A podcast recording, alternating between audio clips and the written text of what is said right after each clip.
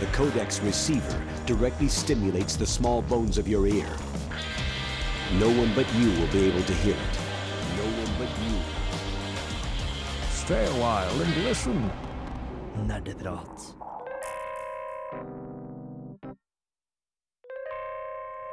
Hallo, alle sammen, og hjertelig velkommen til den andre ordinære sendinga med Nerdeprat.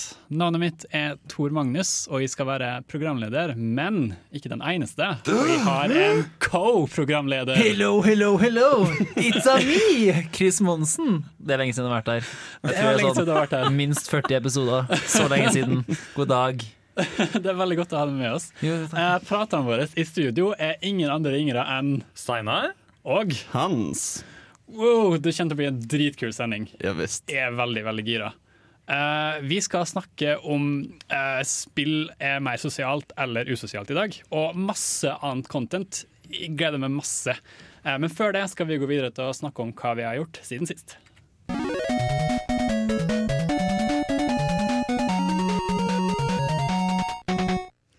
Så min gode mann Steinar, Ja. hva er det du har spilt siden sist? Du, jeg har spilt svært lite. Jeg driver og leser opp studier og prøver å holde meg på flyt, holdt jeg på å si. Um, så jeg har egentlig bare spilt Overwatch i det siste. Um, så ja, det er det jeg har spilt. Jeg har også spilt Battlecats, da, som jeg skal snakke litt mer om senere i løpet av sendingen. Som er et mobilspill. Men man kan jo aldri snakke nok om Overwatch. Uh, jeg var jo på en måte med i chatten deres uh, ganske nylig og hørte Ja, dere sant eh, spille på. Og fy faen, ass. Den derre dive-metaen som foregår nå. Ja, men dive er bullshit, og det vet du jævla godt, Chris. Altså, Jeg kan komme tilbake til det senere, men sånn veldig kjapt så synes jeg metaen forandrer seg så kjapt i Overwatch at uh, til jeg har forstått meg på den som er nå, så har det liksom kommet en ny. Ja, det, Det er ganske sant. Ja, Men, så men, men forklar meg, hva, hva var det for noe? Den dive-greia? nei, hva er det egentlig hans? Dive betyr jo at du spiller, du spiller karakterer med høy mobilitet. eh, som kan da, som det kalles, dive eh, motstanderens backlines. Så i motsetning til sånn det ofte var til å begynne med at begge lagene hadde hver sin Reinhardt som sto med skjold mot hverandre, og så drev han og skjøt fram og tilbake til noen klarte å drepe en noen. tank, sant? Ja, altså typ triple tank-meta og Lucio Ball og de greiene der. Ok. Så er det nå fokus på at du bare spretter forbi, dreper healersene, og så resten av laget. Ah, fordi de hopper liksom inn og do their business. Ja, ja. ja. Right.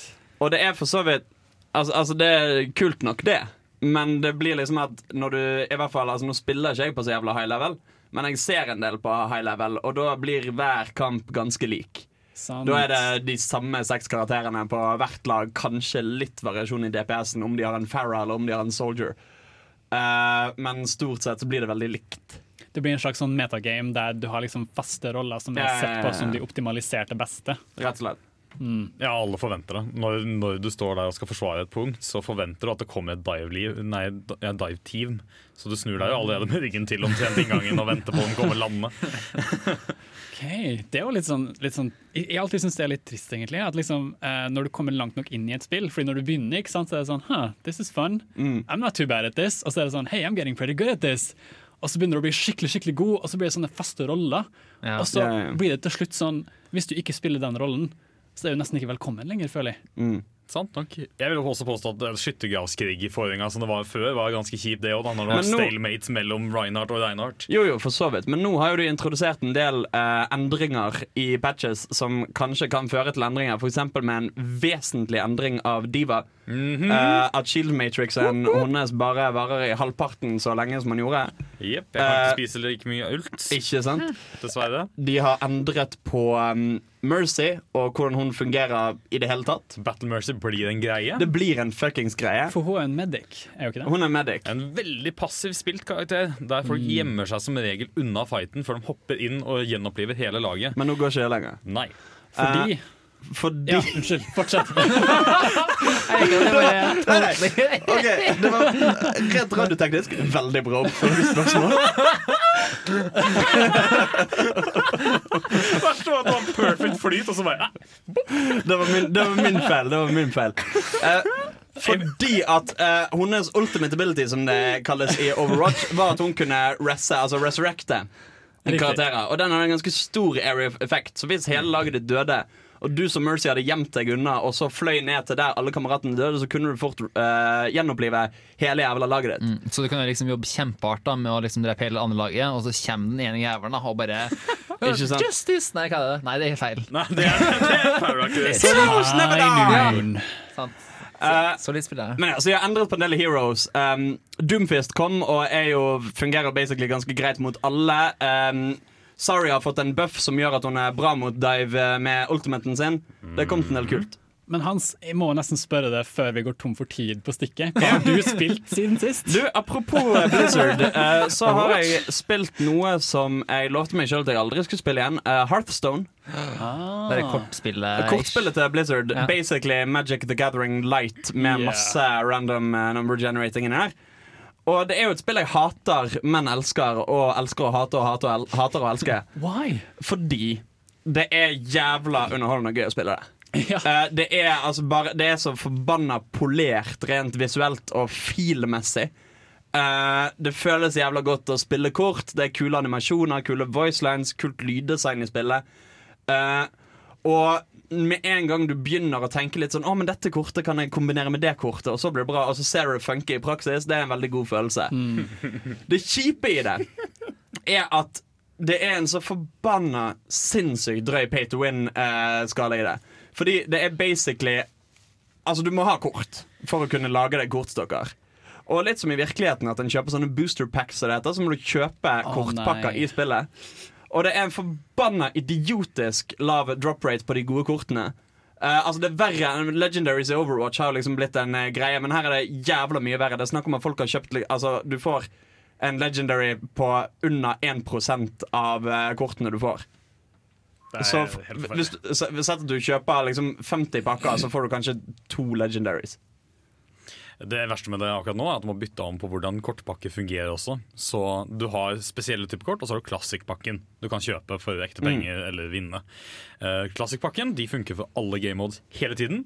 Spesialkortpakkene de fungerer til det kommer to nye spesialtyper kort.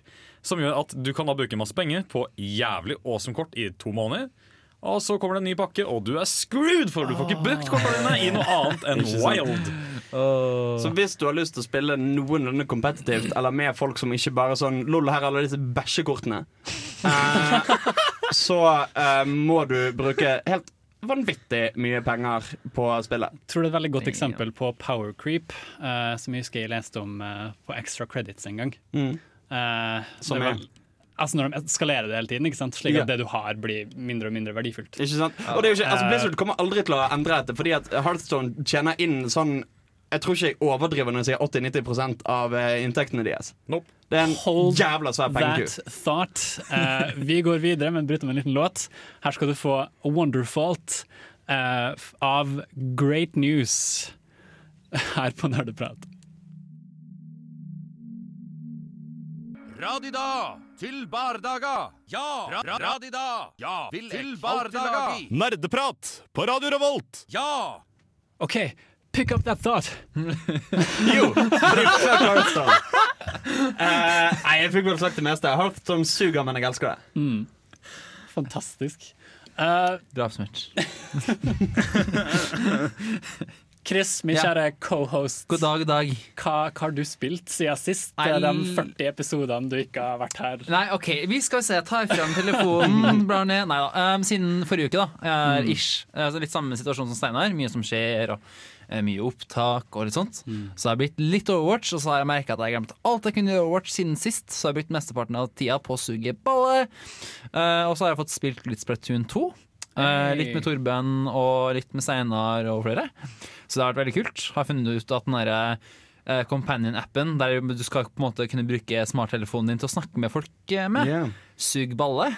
Var det noen som forventet noe annet? Nei, men liksom øh, Det plager meg at liksom Nintendo har liksom hatt det potensialet i så mange år da å skape gode nettopplevelser. Og så klarer de det fortsatt ikke. Det er sånn, De har holdt på siden GameCube. Det er sånn ti år nå. De liksom, for det fortsatt ikke til. Og det er så irriterende.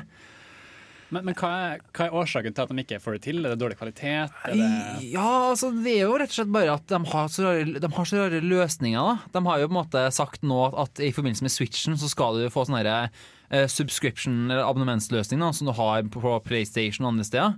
Men de sier at nei, men det kommer ikke ut når Switchen kommer ut, så vi bruker det gamle dårlige systemet enn så lenge. Og så venter vi til sånn, jeg vet ikke, 2018 eller noe sånt, og så får du det nye systemet. da Eh, og liksom Litt tvil om det kommer nye. Og liksom det med den chat-appen som kom ut nå, uh, er jo et litt dårlig tegn på at det ikke går så bra. Og det liksom, alt virker bare sånn half-ass. da At det virker liksom at hadde man bare satt nok eh, ingeniører på problemet, eller programmerer, eh, at så hadde man kanskje løst det. Ja, for jeg, jeg skulle tro at det ikke var så jævla vanskelig å lage en integrert uh, voicechat-løsning. Altså Det trenger ikke være den beste, det trenger ikke være Discord liksom, med sånn superkvalitet og alt, men bare at den fungerer ish. Og det som har plaga meg for eksempel, da, mye med Nintendo-løsninger generelt, og det har jeg merka også nå på Switchen, er at de er så jævlig opptatt av at du skal bruke friend codes. Sånne lange, ja. jævla sifre med bare sånn Å ja, nei, du må eh, spørre om friend-coden til frienden din, og så må du få eh, Nei, så må du gi vennen din friend-coden din. Eh, så må begge dere to taste inn det jævla lange nummeret. da så- Tolv fucking siffer eller ja. liksom, du kan ikke huske det for shit, ikke sant? Liksom, hva skjedde med brukernavn? Eh, og så er ja, generelt bare nett er veldig rart ofte. Uh, spesielt på Splatoon.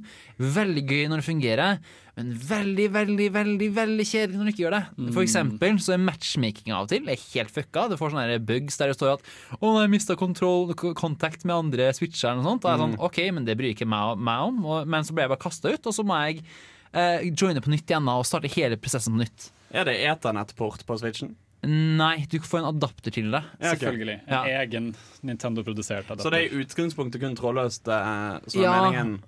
Men altså, hovedproblemet som oftest der er liksom at de bruker sånn eh, at istedenfor at du har store, dyre servere der du har hele spillet på den serveren, så har, kon, bare tar og kobler sammen alle switchene med hverandre da, over okay. nettverk. Så de snakker med hverandre, og så liksom, har du en liten hjelpeserver da, som sier liksom at ja, du må kontakte den switchen og den switchen. Så hvis jeg, noen av switchene plutselig dør, da, så er det sånn ja ja. Cool, great. Og så, går, og så går kampen videre, da. ikke sant? Og så er det kanskje fem mot tre, og så er det sånn ja ja, men da har vi jo tapt, da.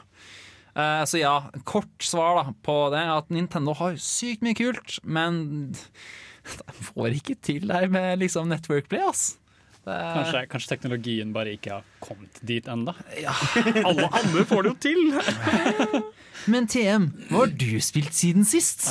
Faen, jeg håpet at du ikke skulle spørre meg. Uh, for greia er det at jeg har også vært veldig sånn, opptatt av studier og lesning og sånn. da. Eh, jeg, jeg har kommet inn i en sånn lesegroove i det siste, at jeg kan bare ikke stoppe å lese. Det er ganske uh, nice, da. Jeg kan ikke klage på det. Nei, for så vidt ikke, men som en downside altså så får jeg ikke spilt så mye. Ja, men, men I mean, I guess it's a better choice. Da kan du jo sitte liksom i eksamensperioden og le av oss mens vi sitter og leser, og så sitter du der og bare spiller og spiller og Er det, er det skolelesing, eller er det gøy lesing? Begge deler. Ja. Uh, gøy lesing, da. Det er jo litt sånn ikke, ikke sånn casual reads, men litt mer informative reads. Mm.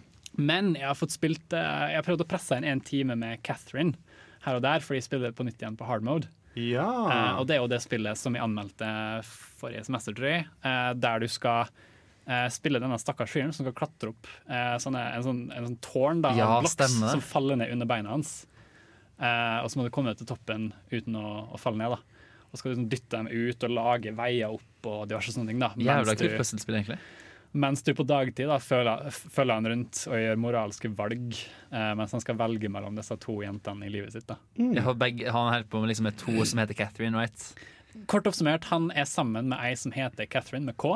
Ja, han har vært sammen det. i fire år, og så kommer det en Catherine med C og bare bomber livet hans. Og han skjønner ikke hvordan han får det til, men det skjer.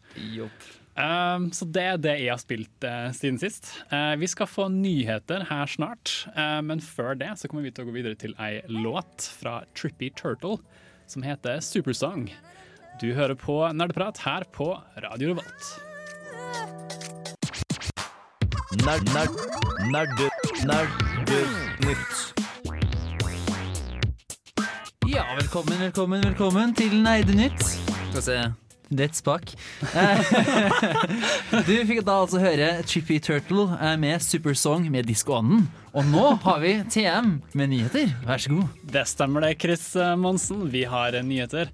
Første opp på lista er at Nintendo skal stenge Meverse.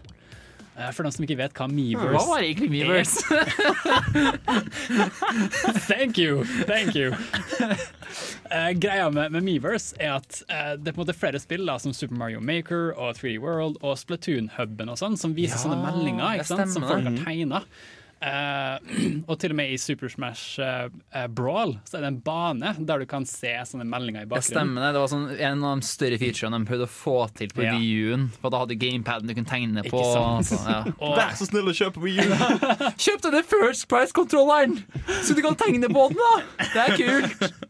Ja! og de, de hadde reklamert for den ganske mye, da, med mange fine tegninger som folk hadde gjort. Mm. utrolig, utrolig fine.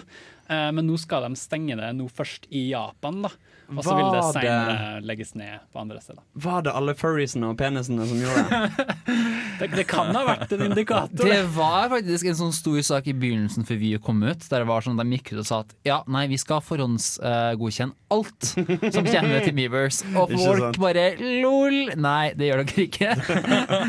Good luck. Så etter hvert så de ga opp, eller så var det sånn at de tok heller med en sånn reporting function. da Ja. Men ja, det, er I have seen some penises. Det er dessverre den Du- triste sannheten. Du bare går rundt som Super Mario i Smash Bros, og plutselig, der var penisen. Det beste er hvor detaljert noen av dem er. Det er virkelig sånn øye for detalj i tegning. Nei, det beste synes jeg er de sneaky penisene som er sånn du ser på bildet, og så ser du den ikke med en gang. Du mener de du ikke ser komme? Ja. Kan vi få en brumt Den lille havfruen-style, det lille tårnet i midten. Penistårnet. Oh, wow. Men, men jeg, jeg skjønner liksom ikke Tenk som, som forelder. Du ser ungen din sitte og spille Super Mario, lykkelig som han fikk til jul. Plutselig så kommer det en penis opp i bakgrunnen.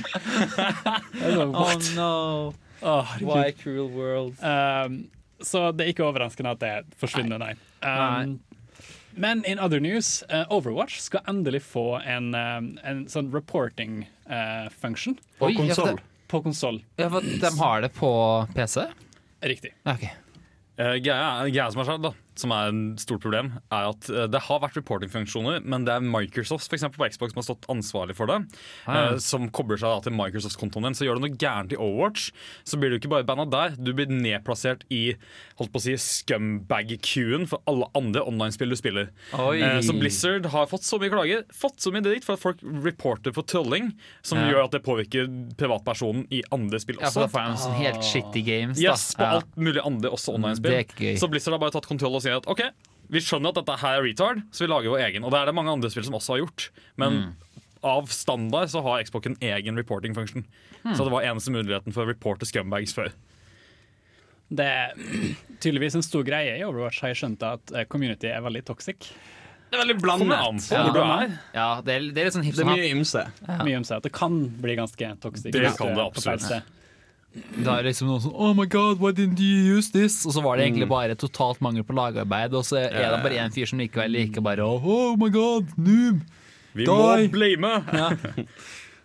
Vær negativ. Nei, så nei, for all del. Veldig fint at det skjer, for at Overwatch har blitt så stort nå. Mm. Det, det må jo ha gode reporting functions, hvis ikke så blir det bare kjipt å spille. Altså, det, er jo, det er vel fortsatt på en 10-15 mil Uh, Ja, regulars, tror jeg. Så mye. Ja, det det, Jeg tror det er der oppe. Altså. Det er veldig kult å se disse videoene de legger ut. Jeg så en med meg nå ganske nylig. eh, som jeg antar er en video for å introdusere den neste sesongen, eller noe sånt. Ja, det er den kortfilmen. Ja. ja, Mm. Det var fantastisk. Det er så mye yeah, backstory her. Um, neste er at uh, Sonic Mania kom jo ut nå uh, i yeah. midten av august. Det er så bra! Uh, det har fått så utrolig bra kritikk. Uh, bra animasjon. Det, det, det har liksom re reviva den gamle animasjonsstilen. Den fikk ikke til. Retrosonic før, men nå fikk den ned den skikkelig. Det er så fantastisk. Um, og greia er jo at uh, dette spillet har også kommet ut på PC ganske nylig. Mm. Um, men dessverre så var det en greie der at uh, de hadde lagt inn en DRM. Uh, tror det står for Digital Rights Management. Ja, sånn som liksom sjekker om du, ja, ja. copyright-sperre og sånn. Eh, som sjekka da om spillet ditt var autentisk mens du spilte det, som på flere punkter utover i spillet. Som Mhm. betyr at de som da spilte på Steam da, og spilte offline, uh, så ville da uh, spillet si at Uh, nå kan du ikke spille fordi du er offline. Så de kommer til å gjøre det offline på PC. Eh, men dessverre så må vi plukke opp nyhetene etter låta. Eh, her skal du få Mikael Parskalev med Bad Boy. Du hører på Nerdeprat.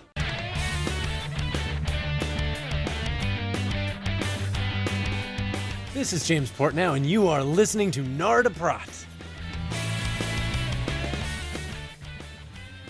And, and we're back.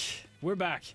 Uh, Nintendo hadde en showcase i dag, faktisk, for sånn litt over en time siden. Eh, jeg og Chris rakk å se på den rett før vi sprang inn i studio. Breaking news! Breaking fresh baked news. Eh, og her Jeg tror ikke baked litt annerledes enn det de gjør. But that's just me.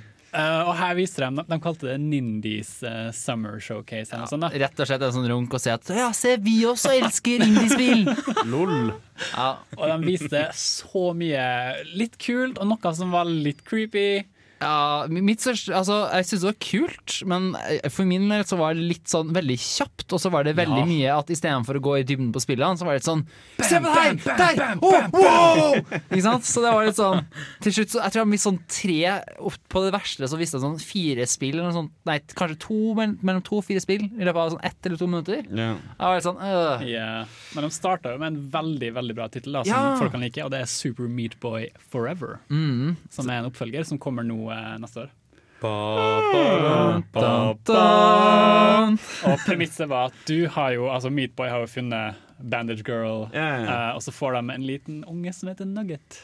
Oh. Og så blir han kidnappa av en villain som vi ikke husker helt. Nei. Han doktor Fettus, eh, Dr. ja, Fettus ja, var det. He's not a doctor!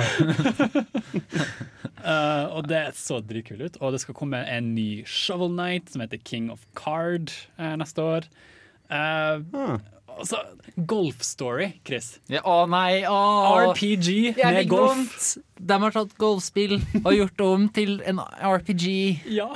Det er sånn Unlock quests, meet people eh, Spill golf. Spill golf. Ja, golf er jo hot for tida. Det er det Playing Together Golf-greia på Steam. Og du har jo RPD har jo alltid vært populært, så why not mix it? Why not make babies buy it? Du, du kan liksom se for deg liksom, markedsføringsfolka sitter liksom møterommet sitt og bare sånn Hm, hva er det som vil selge nå? Golf? RPGs? Wow. Du har liksom idébordet der de må finne på noe nytt og innovativt. Ja, ja. Og så tar du det du minst tror kan passe sammen. Ikke sant? Men altså, golf er jo bare golf, på en måte. Hva er det du snakker om da? Det Nei, jeg bomma på å høre det, gutta. Uh, Jeg nå sånn- brukte jeg opp all manaen min på det slaget. Jeg fikk en sånn birdie, jeg. Det skulle visst være et veldig sånn intricate storyline eh, Ja. bak det. da Kan du Eh, spille som altså, Er det, er det sånn eh, klassiske sånn World of Warcraft-raser? Kan du for eksempel kan, det, det så ut som Kan du eh, være Tiger Woodelf? Det så ut som en slags Mitt inntrykk Uh, vent, vent, vent, vent, vent, vent, vent, Mitt inntrykk da var at du, du At du så det sånn. ovenfra, sånn sånn Earthbound-stil, Mm. uh, men med golf. Og et annet som forelsket meg litt i, det var Hva var det da? Jo, eh, Mom Hit My Game, eller Ja. Hidden by My Mom. Det er et spill der mora di har gjemt bort videospillene dine, og du må finne dem. så det er sånn På noen av levelene jeg viste frem, så var det sånn at du, liksom, du må trykke på krokodillen for å åpne kjeften, så stikke en pinne opp i kjeften på den, og så ta ut spillet som er inni krokodillen, naturligvis. Så noen hadde en jævlig traumatisk barndom, er det det du prøver å si? Det hadde jo vært tidlig hvis det gikk an å gjøre litt sånn her fysisk spill ut av det, med at du faktisk får din mor til å gjemme switchen, og så kan du bruke Så kan du bruke de her DualShocks-greiene til å på en måte vibrere deg fram til å finne den. HD Rumble. Uh, En ny type live. rett og slett. Rett og slett. uh, og den kom med masse masse kule nyheter. Uh, jeg anbefaler dere å sjekke det ut. Uh, Livenintendo.com. Og kan jeg gi en sånn honest uh, sånn shout til den siste? Ja. Jeg likte Polly Bridge. Build a bad bridge. Det er ja, sånn, den, ja. det er sånn bridge builder, men der er det om at du skal bygge en skittig bru som bare katapulter biler alt over. For å komme ned. Så er det kult, og veldig kul graphics. Det høres ganske morsomt ut. Veldig mye kult å sjekke ut der. Jeg vil også gi en veldig stor shout-out til det siste spillet de snakka om der, som var eh, en oppfølger til uh, No More Heroes, hvis folk uh, har spilt det. Ja. Eh, som er Travis Strikes Again. Det så dritfett ut. Uh, altså, for dem som ikke har spilt No More Heroes, uh, det ble gitt ut av Grasshopper Manufacturer, og du spiller en fyr nesten litt sånn Scott Pilgrim-esk. Han går rundt med en sånn lightsaber som i, i sann stil mot Wii-remoten. Du må riste for å lade opp hvis han går tom for batteri. I spillet, ikke sant? Og så skal du gå rundt og drepe fiender, og de blir om til mynter, og det er et plott hvor du skal slå masse bosser, og det er helt sykt bra humor. Og det er så fantastisk gjennomført. Eh, så for de av oss som har hatt en Wii, da, så yeah. Uh, men ja, eh, det var vel høydepunktet av akkurat det. Uh, små andre ting. Eh, jeg ville nevne at Blade of the Immortal, som kanskje mange av oss husker fra Mangamania Ja. for lenge siden, det skal få en filmadopsjon. Og kanskje også aktuelt i Filmofil etter hvert, jeg vet ikke. Ja, det kan det jo fort bli eneste jeg kjenner jeg umiddelbart er skeptisk.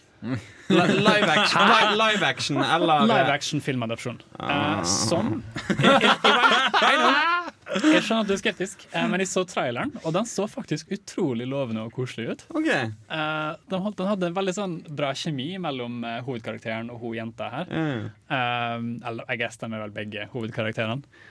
Eh, og det var utrolig koselig å se. Uh, så jeg har veldig store forventninger, faktisk. Jeg bare håper de gjør det skikkelig. Enig. Ja.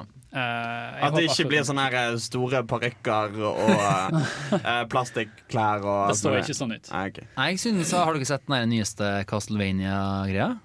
Den på Netflix? Ja. Ja, for Den synes jeg er veldig kort da Synes jeg er veldig bra Fordi de, A, de har gjort en tegneserie eh, Som gjør at de kan gjøre veldig mye kult Og B, det er veldig korte episoder eh, Så de gjør li mye i lite tid Yes, men vi skal gå videre. Vi skal få en eh, anmeldelse som er laga av Fire Emblem Echoes nå etter denne neste låta, eh, som er Mats Wawa med 'Days Like This' her på Nerdeprat.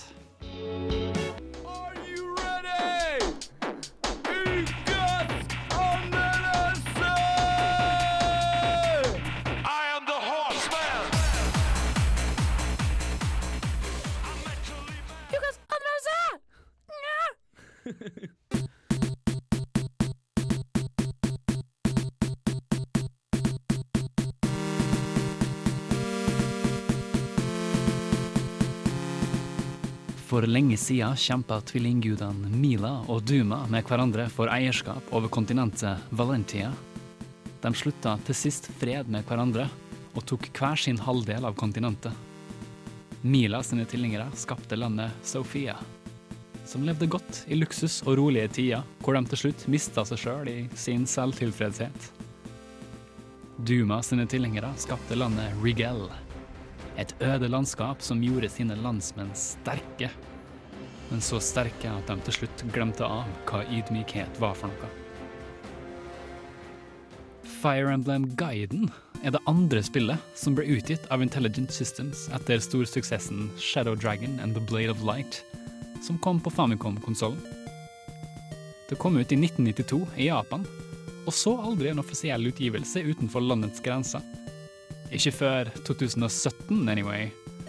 For dette markerte året hvor spillet skulle få en ordentlig remake utenfor Japan.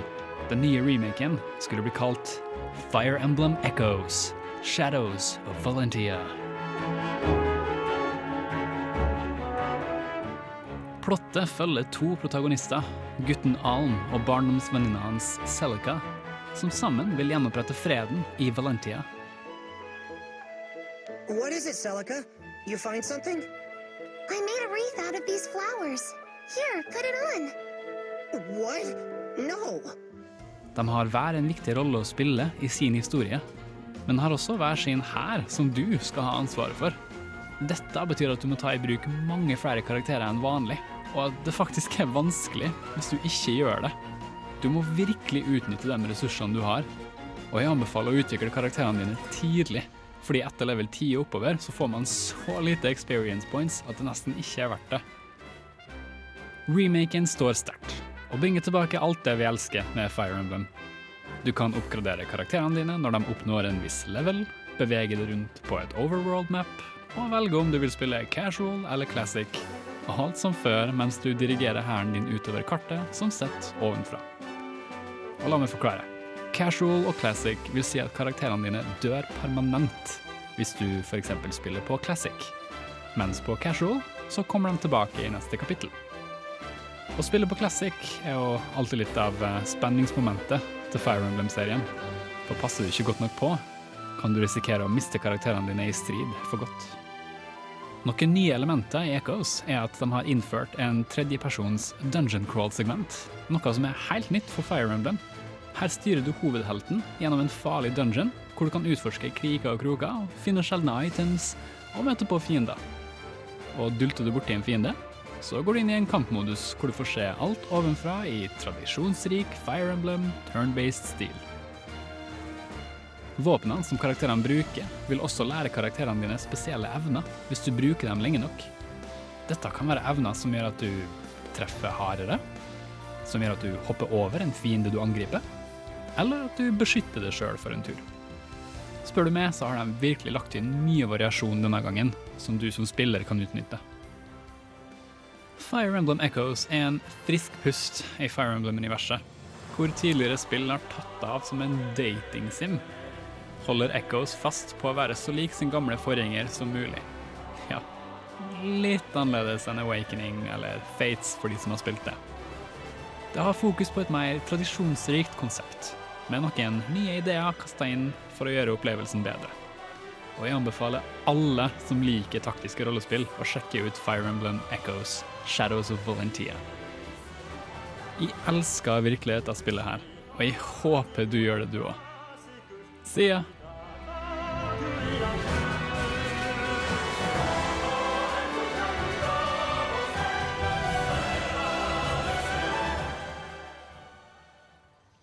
Cool. Fire Emblem. uh, eneste forholdet jeg har til spillet så langt, er at jeg aldri finner det noe sted. What? Ja! Nei, altså for at liksom type Spesielt før, når det var sånn 3, eh, DS og 3DS-releaser, så var det liksom ingen sted å finne, men Grunnen til at du ikke finner det, kan jo være fordi jeg ikke nevnte i anmeldelsen hvilken plattform det var på. Hvilken plattform er det på? Det er på 3DS. ja. Så den håndholdte konsollen. Er det tilgjengelig på sånn, eh, den storen, eller er det bare fysisk? Du kan kjøpe det, og det er på storen. Nice. Uh, men hva, hva, hvis du ikke har funnet det, Hvilken plattform plattformer har du? Nei, det er 3D, altså det er på 3DS-en, da. Men Ja, okay. liksom, det har liksom vært sånn hver eneste butikk jeg har gått innom, da, for liksom, jeg har alltid lyst til å prøve et Fire Emblem-spill, og da har det alltid vært litt sånn Gå inn og så var sånn Nei, vi hadde én kopi da som vi fikk fra Nintendo, og den var borte første dagen den kom, og så er jeg OK. Nei, nei, du, du kan laste både uh, Echoes, du kan laste ned Fates, jeg tror du kan laste ned Awakening, og eh, det nye Conquest som kom før Echoes. Ja, men da snakkes vi om et par uker, da! Så uh. Eh, Så yeah. Um, Cool. Dette var jo da min anmeldelse. Eh, har noen lyst til å tilføye noe? Noe dere lurer på? Jeg syns ofte JRPGs er kjedelige. Ja, jeg er jo den eneste her som spiller JRPGs. Fordi, så. altså, jeg likte Final Fantasy 12 er vel kanskje det eneste uh, jeg har spilt mye på Right. JRPG-fronten, men stort sett syns jeg det er så det er vel, Altså, jeg liker turbaserte spill, men JRPGs er veldig turbaserte. Uh, og bare masse sånn høytflygende karakterer eh, som bare sånn I'm so sad because Eh, Jeg vet ikke.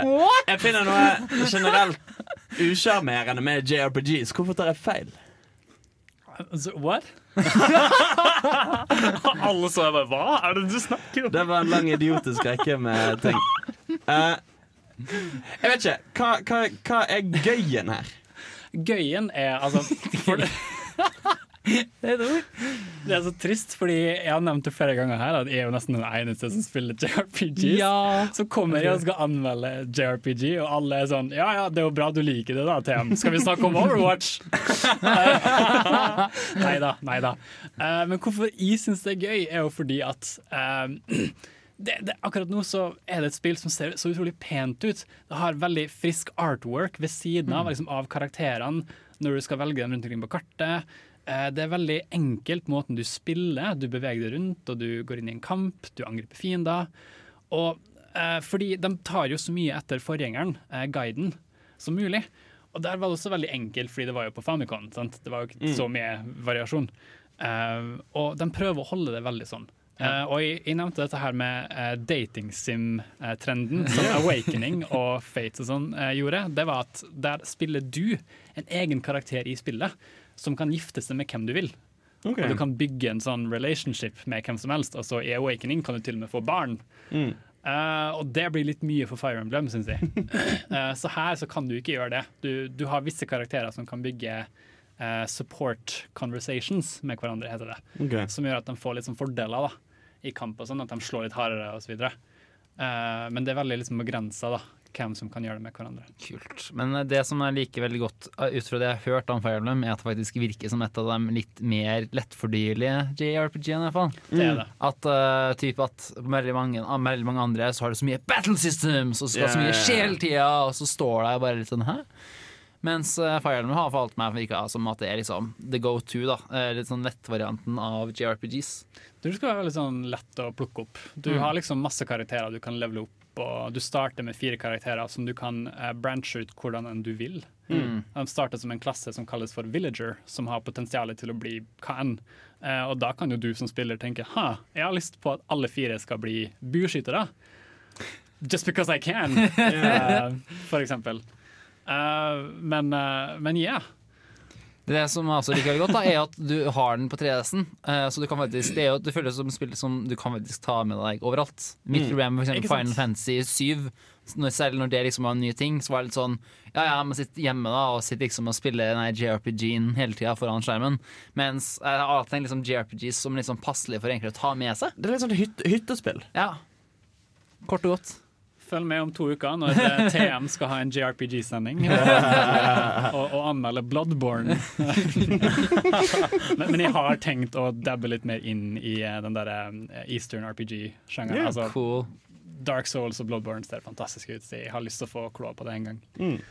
Uh, men jeg tror ikke det var så mye mer å si om det, så vi, vi ruller videre. Uh, vi skal ha en uh, dobbellåt, og så går vi videre til Lommerusk uh, med Steinar. Så yeah, så til det. Her får du With Milas Divine Protection etterfulgt av Fire Emblem Theme. Er det en eh, Gameboy du har i lomma di? Nei, det er lommerusk!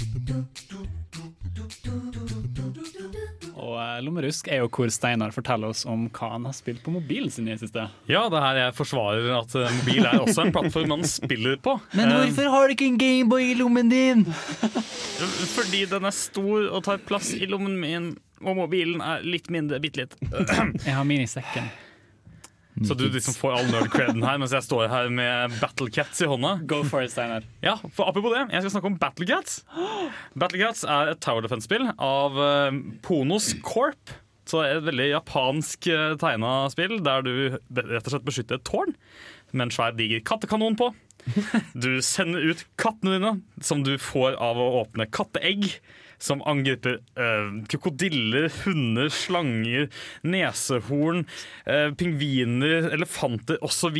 Som de alltid gjør. Som de alltid gjør med katter. Yep. Eh, og det er alle mulige katter. Det er sumobryterkatter, det er zombiekatter, det er nerdekatter med datamaskinene sine. Eh, og det er et standard Tower Defense-spill som du kan spille på dass. Nice. I bunn og grunn. Det, det som er så utrolig kult med det spillet, her er jo at eh, det er jo katter som skal ta over verden. Ja. Eh, og du har et helt verdenskart. Som du Verdenskatt. Men verdenskatt. Verdenskatt. Du har et verdenskart som du blir introdusert for. Just reeking in the point, man. Eh, du starter vel i Korea eller Japan eller noe Ja. Du begynner i Japan, og så jobber du deg gjennom Asia til å så gå videre inn i Er det Afrika først? Nei, det er kanskje ikke det. Afrikat. Anyways, Afrikat. Å, god, Hans. Gå hjem. Oh, no. Eh, Så du skal ta over hele verden med disse kattearmeen din som du leveler opp underveis. Og du, du får liksom personal connection. Vil du snakke litt om det, TM? Du som har kommet litt lenger i dette Battle Cat-spillet enn meg. Ja, fordi eh, det var jo dessverre slik at jeg tipsa deg om det spillet her. Mm. fordi jeg har sittet og spilt av og på i mange måneder. Mm. for greia er at det- er jo en sånn Du kan bare spille det så mye før du må legge det fra deg, fordi det er en sånn in game limit, som de fleste mobilspill har. Eh, men greia er at du får lyst til å plukke det opp igjen, fordi du kan få tak i nye katter, og det er så mange av dem. Det er så mange av dem, herregud, og det blir så personlig. Ja, for det er en ting jeg satt og lurte på For jeg spilte jo en del Tower Defense-spill eh, for, altså, for lenge siden. Når det var ty typisk ting du fant på sånn 1, 2, 3-spill og diverse. Og det jeg syns kjennetegner mange Tower Defense-spill, er at du etter en stund får veldig sånn eh, eh, mindre return on investment. At det begynner med at du har noen enkle tårn som tar fiender, og så kommer det noen litt vanskelige fiender, men så oppgraderer du tårnene og så bare eter det seg gjennom. Ja. Og det føles jævla bra. Så når du etter hvert et punkt hvor alle tårnene dine er oppgradert til level 5 og level 6, og så er det sånn Å, skal jeg oppgradere den og se de tallene bli litt høyere, og de prosentgreiene går Altså det blir veldig nærmest statistisk type spill etter en stund. uh, og, og hvor gamefeel i det forsvinner veldig til fordel for liksom en slags vanskelighetsgrad som egentlig bare er at ting tar lengre tid. Ja, for jeg har alltid liksom Tower Defense-spill for meg har alltid vært å bare plassere ting litt rundt omkring, og så Mm. bare gå litt for høy damage, og så ikke gå til å få penger. Det, det vil være litt sånn i begynnelsen, hvis jeg husker det. Uh, nå har jeg kommet ganske langt, da, så jeg må prøve å huske tilbake hvordan det var i starten for meg. Men jeg er ganske ny, så du kan spørre meg. Ja, men først skal Ja. jeg si- jeg har akkurat begynt. Men altså, det, min greie er at jeg leveler opp de standard base-kattene først, for å prøve å ta unna. Men jeg føler hele tiden at det funker en periode, Ja. og så når jeg en kraftig smellvegg med en boss jeg virkelig ikke kan passere, uten en spesifikk type katt, eller en kraftig oppleveling fra at jeg spiller leveler på nytt igjen. Så eh, det er en grind, og det er jo litt pay to win, vil jeg påstå, siden du kan kjøpe in game stuff. Altså kjøpe in game katteegg og få med egg- katter. Eller Det er kattemat ikke og sånn kjøpe katter katter. fungerer. Katteegg funker. Det er Akkurat som traktoregg ute på åkeren. Ja, sant. Det er dessverre slik du beskriver, at det vil komme en fiende av en viss type, fordi det er forskjellige fiendetyper eh, i Battlecats. Og spillet er veldig flink til å sende ut forskjellige typer av og til, og så kan det være en type du ikke har noen katter som er god mot. Det kommer ut en metal hippo. Sant? Og så er det sånn, Fuck OK, jeg har ingen katter som er bra mot metallhippos. og det er ikke rart, fordi det er veldig sjeldne katter å få tak i. Og veldig mange av disse kattene du får tak i, er tilfeldig. Så hvis du virkelig har shitty luck, så kan, du, kan det hende du sitter der ganske lenge uten de kattene du egentlig trenger. Ja. Da står du fast i spillet til neste gang. Nå må du gang. grinde og sånn, og det, det er en liten downside med det. Men det er et veldig dassverdig spill, for det var det jeg spurte TM om når jeg spør et mobilspill. Jeg har et par kategorier jeg går gjennom når jeg velger ut mine mobilspill. Og det er kan jeg sitte på dass og sitte der i ti minutter og bare spille? Yeah. Eller er det sånn at dette er noe jeg spiller på bussen? Eller hvordan er det det her brukes? Jeg føler at På bussen så er det ikke helt ideelt. På dass perfect. Du sitter stille, du har tid til å tenke og konsentrere deg om taktikk. Herlig, herlig. Eh, jeg håper dere følger med oss, folkens, fordi etter denne låta skal vi ha en liten overraskelse i eh, ukas uh, utfordring. Jeg håper dere er klar, men før det så får du Baby in Vain med Lowlife.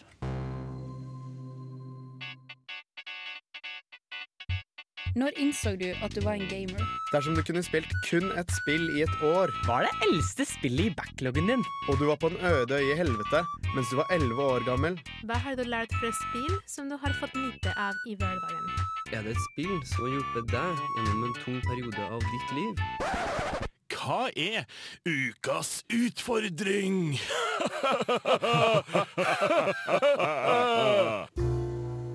Ja, fordi ukas utfordring er nemlig det at uh, dere skal få lov å leke dating coaches i dag.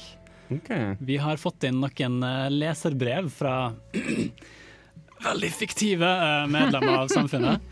Um, og dere skal få lov å høre hva de har å si, og svare på spørsmålene deres. Interessant. Think you can handle it? Hallo.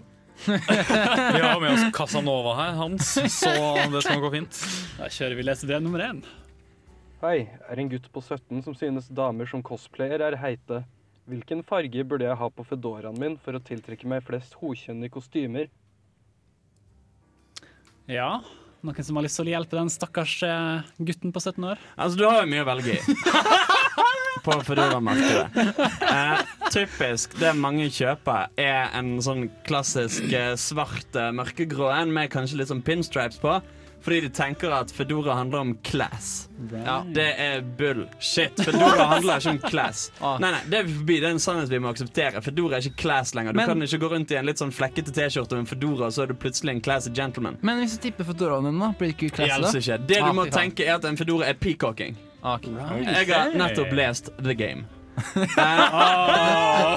Og Dette forklarer alt. Peacocking er et begrep som handler om at du skal ha på deg noe flashy og outrageous noe. Som får folk til å tenke 'faen, det er et menneske jeg legger merke til'. Og hvis du skal prate med f.eks. en søt liten cosplay-kjei, så eh, hjelper det å ha på seg f.eks. en fedora i sebramønster. Eh, eller i sånn der eh, frynsete rosa sofastoff. Så tenker hun Vet du hva, jeg vet ikke helt hva jeg skal snakke med denne fyren om, men jeg tar og nevner hatten, og så ser vi hvor det går. Herlig. Da har vi fått et godt svar på det, syns jeg. Er det et mål. Eh, vi kjører på med neste lesebrev. Kjære Tore Magnus. Hva er den beste måten å sette meg selv i en posisjon hvor jeg må reddes, som både får oppmerksomhet, og som ikke er faktisk for farlig? Jeg prøver å knytte meg selv fast i et tre, men det var bare mye slit. Jeg sto der bare i tre timer til moren min, min, moren min fant meg og knyttet meg løs. Vi hadde en ganske flau prat etter det. Hun sa at jeg burde gå opp og snakke med de jeg syntes var søt, men det å sette meg selv i fare og kanskje bli reddet av en helt virker mye mindre skummelt ut. Og hvordan skulle jeg gjøre det etter fyren reddet meg? Moren min virket ikke som at hun visste det, hun heller. Din jomfru i nød, jente 20. Ja, Vi har da en jomfru i nød som prøver å bite seg sjøl fast i trær. Jeg kan jo si at dette minner jo veldig om et scenario Selje gjorde. Hvordan jeg møtte min samboer. Vel å merke, Hun knøt seg ikke fast i trær eller var noe miljøaktivist. Men eh, det som skjedde var at hun mistet vesken sin på en fest. Mm. Med nøklene til seatleiligheten sin her i Trondheim. Eh, dette førte til at hun ikke hadde mulighet til å komme seg hjem. Hun måtte betale 5000 kroner til Seat for å få fiksa lås og nøkkel. Og der kom jeg i skinnende rustning og sa at du kan bo hos meg til du har råd til å betale låsen til uh, Sneaky motherfucker. Og uh, det funka fett. Og bodde hos meg en måned, og nå er vi da sammen. da Og bodd sammen i over et år. Flytta den sine ut? Nei, det er det da. har flytta det Særlig ut. og bodde hos meg en måned til hun fikk råd, og så fant vi ut at det her funka så bra, så hvorfor bare er du ikke her, da? Så keep it simple. Keep it simple. Mist nøkkelen på byen, vær litt full, og mm, møt en gentleman. Hans The Game har et annet forslag. Jeg har to andre forslag. Shit. Det første jeg tenker er Du må gifte deg med en prins Og så drepe prinsen Før du blir adoptert Så du kan bli prinsesse. Fordi alle knabber prinsesser Om det er drager, om det er troll Noen kommer til å knabbe en prinsesse Og en vakker prins kommer til å forsøke å redde deg. Alternativt så må du se ut deg en gutt Med eh, en nemesis En erkefiende fordi med en gang du begynner, begynner å blunke til uh, denne søte gutten, så kommer nemesisten til å tenke at ja, men der har jeg han. Jeg knabber damen. Så det handler om hvem du velger. Hvem er du ute etter? Hvis du ser noen typisk som har en som er veldig lik seg sjøl, men i helt svart hårutgave, f.eks. God match. Veldig interessant at du sier det, fordi eh, vi har et annet lesebrev her som kan faktisk være en god match. Hallo, Tor Magnus. Er det en lett måte jeg kan finne jomfruer i nød? De få jeg får med meg til dagliglivet er kun i avisen, og de er ferdig reddet. Det er altfor få slått, monstre og kriminelle i kommunene jeg bor, og jeg har ikke bil, så jeg kan ikke reise utenbys på kort varsel. En kompis av meg reddet kjæresten sin metaforisk fra et kjedelig liv, men jeg har mer, jeg har mer lyst på et problem jeg kan løse med vold eller gåteløsninger. Og hva er det jeg kan gjøre etter at jeg har reddet jenta? Jeg har aldri helt forstått den biten. Venter på dine reddende ord. Gutt 19. Så uh, I mean Altså, åpenbart er du i feil land. Vi har det for fint her i Norge, og det er for få slott. Uh, du må til Bulgaria, generelt Øst-Europa. Finne falleferdige gamle borger. Er ikke sånn Transylvania en faktisk ting? Jo, tra- Jo, det jo, er et sted. Jo, jo, det er et sted. Ja, ja, ja. Altså, poenget er Hvis du besøker mange nok middelaldergårder, så er det til slutt en eller annen prinsesse som holdes i et tårn der, eh, som du faktisk dønn kan redde. Eh, selvfølgelig det å bøffe seg litt opp og bli god i martial arts uh, og samtidig ha et uh, vinnende glimt i øyet, hadde ikke skadet noe heller. Ikke sant? Uh, det hadde vært- veldig kult hvis han fyren her hadde møtt hun i det forrige lesebrevet òg. Mm. Dessverre så vet vi ikke hvilken kommune han bor i. Når det kommer til hva som skjer etter du har reddet prinsessen Ja. tårnet, eh, så Hva er det du skal si? At du skal finne fram tårnet? Det jeg hadde tenkt å si, var at først tar du Altså, du kan ta prinsessen ut av tårnet, men da må du sette tårnet i prinsessen. Oh, wow. Å nei. It was so good. Åh, Hans, du har bare raka inn poengene i dag. Jeg gjemmer meg. oh, yes. jeg, tror, jeg tror jeg har fått en ganske bra konklusjon på, på denne utfordringa, egentlig. Eh, jeg tror vi skal ta oss takke med det. Tusen hjertelig takk til datingcoacher Steinar, uh, Hans. Jeg klarte det. det har vært en glede. Les the game. Les the Les the game. vi kommer til å bevege oss videre inn til temadelen, endelig. Eh, Det har vært en tettpakka sending så langt. Eh, Vi skal snakke om spill er mer sosialt eller usosialt.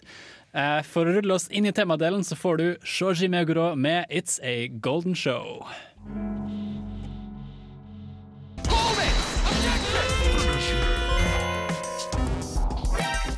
Nerdeprat. Ja, hjertelig velkommen tilbake. Vi beveger oss nå inn i eh, temadelen. eh, Og vi skal snakke om spill er mer sosialt eller usosialt i dag. Eh, Hva er deres første tanker om det, når dere får det spørsmålet pressa i trynet? Jeg hører mamma rope i bakgrunnen 'Kom deg ut!' det var basically my childhood. Mamma sånn 'Du må ut og møte venner'. Det Jeg vet nesten ikke hva jeg skal si. Uh, Altså, jeg, jeg tenker det, det kommer jævla an på. Eh, altså fordi det å bare sitte alene på gutterommet og game Diablo til uh, langt på natt, er jo ikke en god måte å få seg venner på. Ikke sant? Uh, og altså det er jo sammenlignbart det med alle andre ting, som med film, for eksempel. For du kan sitte alene og se på film, eller du kan gå, og game, eh, gå og se en kinofilm med noen kamerater. Eh, og det er jo altså for eksempel en del av oss som driver og spiller Overwatch sammen. Eh, og da vil jeg si det er i aller høyeste grad sosialt. Uh, det er jo mange som uh, spiller sånne svære online-spill som World of Warcraft for eksempel, og får seg, får seg venner der som de aldri har møtt i virkeligheten, så de kun kjenner via online-verdenen. Problemet er jo kanskje òg da at det danner seg en slags ekkokammereffekt. At Mm. du blir kjent med kun sånne folk som kanskje er veldig fokusert på nettopp det, ikke sant? Og så gjør ikke Altså, det, det, det kommer an på hvordan du definerer sosialt, blir jo på en måte til, til syvende og sist. Fordi når jeg tenker hvorfor er spill um, Om spill er sosialt eller usosialt eh, Dette var forresten et spørsmål som ble innsja av eh, noen eh, av våre fans, Mm. tror jeg, som var ganske kult. Eh, og det første jeg tenker, er jo liksom eh, Når du tenker spill, så tenker jeg usosialt. Fordi, som vi vil høre seinere, eh, så er det noen som beskriver eh, i, I den reportasjen vi laga, som kommer noe senere, så var det noen som beskrev det der med å henges opp inne. Mm. Eh, henges opp, hules opp inne på rommet sitt. Eh, at det er jo ikke bra hvis du gjør det hele tiden. Å spille spill der, selv om det er MMOs eller hva det skulle være. Ja, sant. På mange måter så er det også sånn jeg har blitt kjent med mine kompiser fra barndommen også. Sånn? Reist på besøk, vi satt og spilte Mario Kart sammen. Ja. Til jeg òg fikk den beskjeden om 'kom dere ut! Dere må være ute i frisk luft'. Eh, vi bare flytta stolene våre ut og spilte gjennom vindu. Eh, til vi ble busta, og de ble bare sånn OK, dere får lov til å spille ute. så så jeg, jeg mener at jeg har mye gode minner fra det å være sosial med spill nå. Men jeg ser hele det poenget at hvis du sitter inne og spiller singleplayer games eller svære World of Warcraft hele tiden og ikke Ja. gjør noe, så Og så er det jo det, altså blir det sosialt. Mye i det sosiale handler jo om vane og trening. En er vant til å være med folk. En trener seg opp til liksom, hvordan funker social cues i hverdagen. Liksom. Sant, sant. Og problemet her er jo at jævla mye av eh, de interaksjonene forsvinner jo når stort sett mesteparten av din interaksjon med andre mennesker er muntlig. Mm. Uh, og ellers er representert ved avatarene dine i spillene. Ja, ikke sant. uh, så selvfølgelig det å sitte og spille med en kamerat er greit nok, men når all interaksjon du har folk er over voicechat, så tror jeg ikke nødvendigvis det er det sunneste i hele verden. Nei, sant.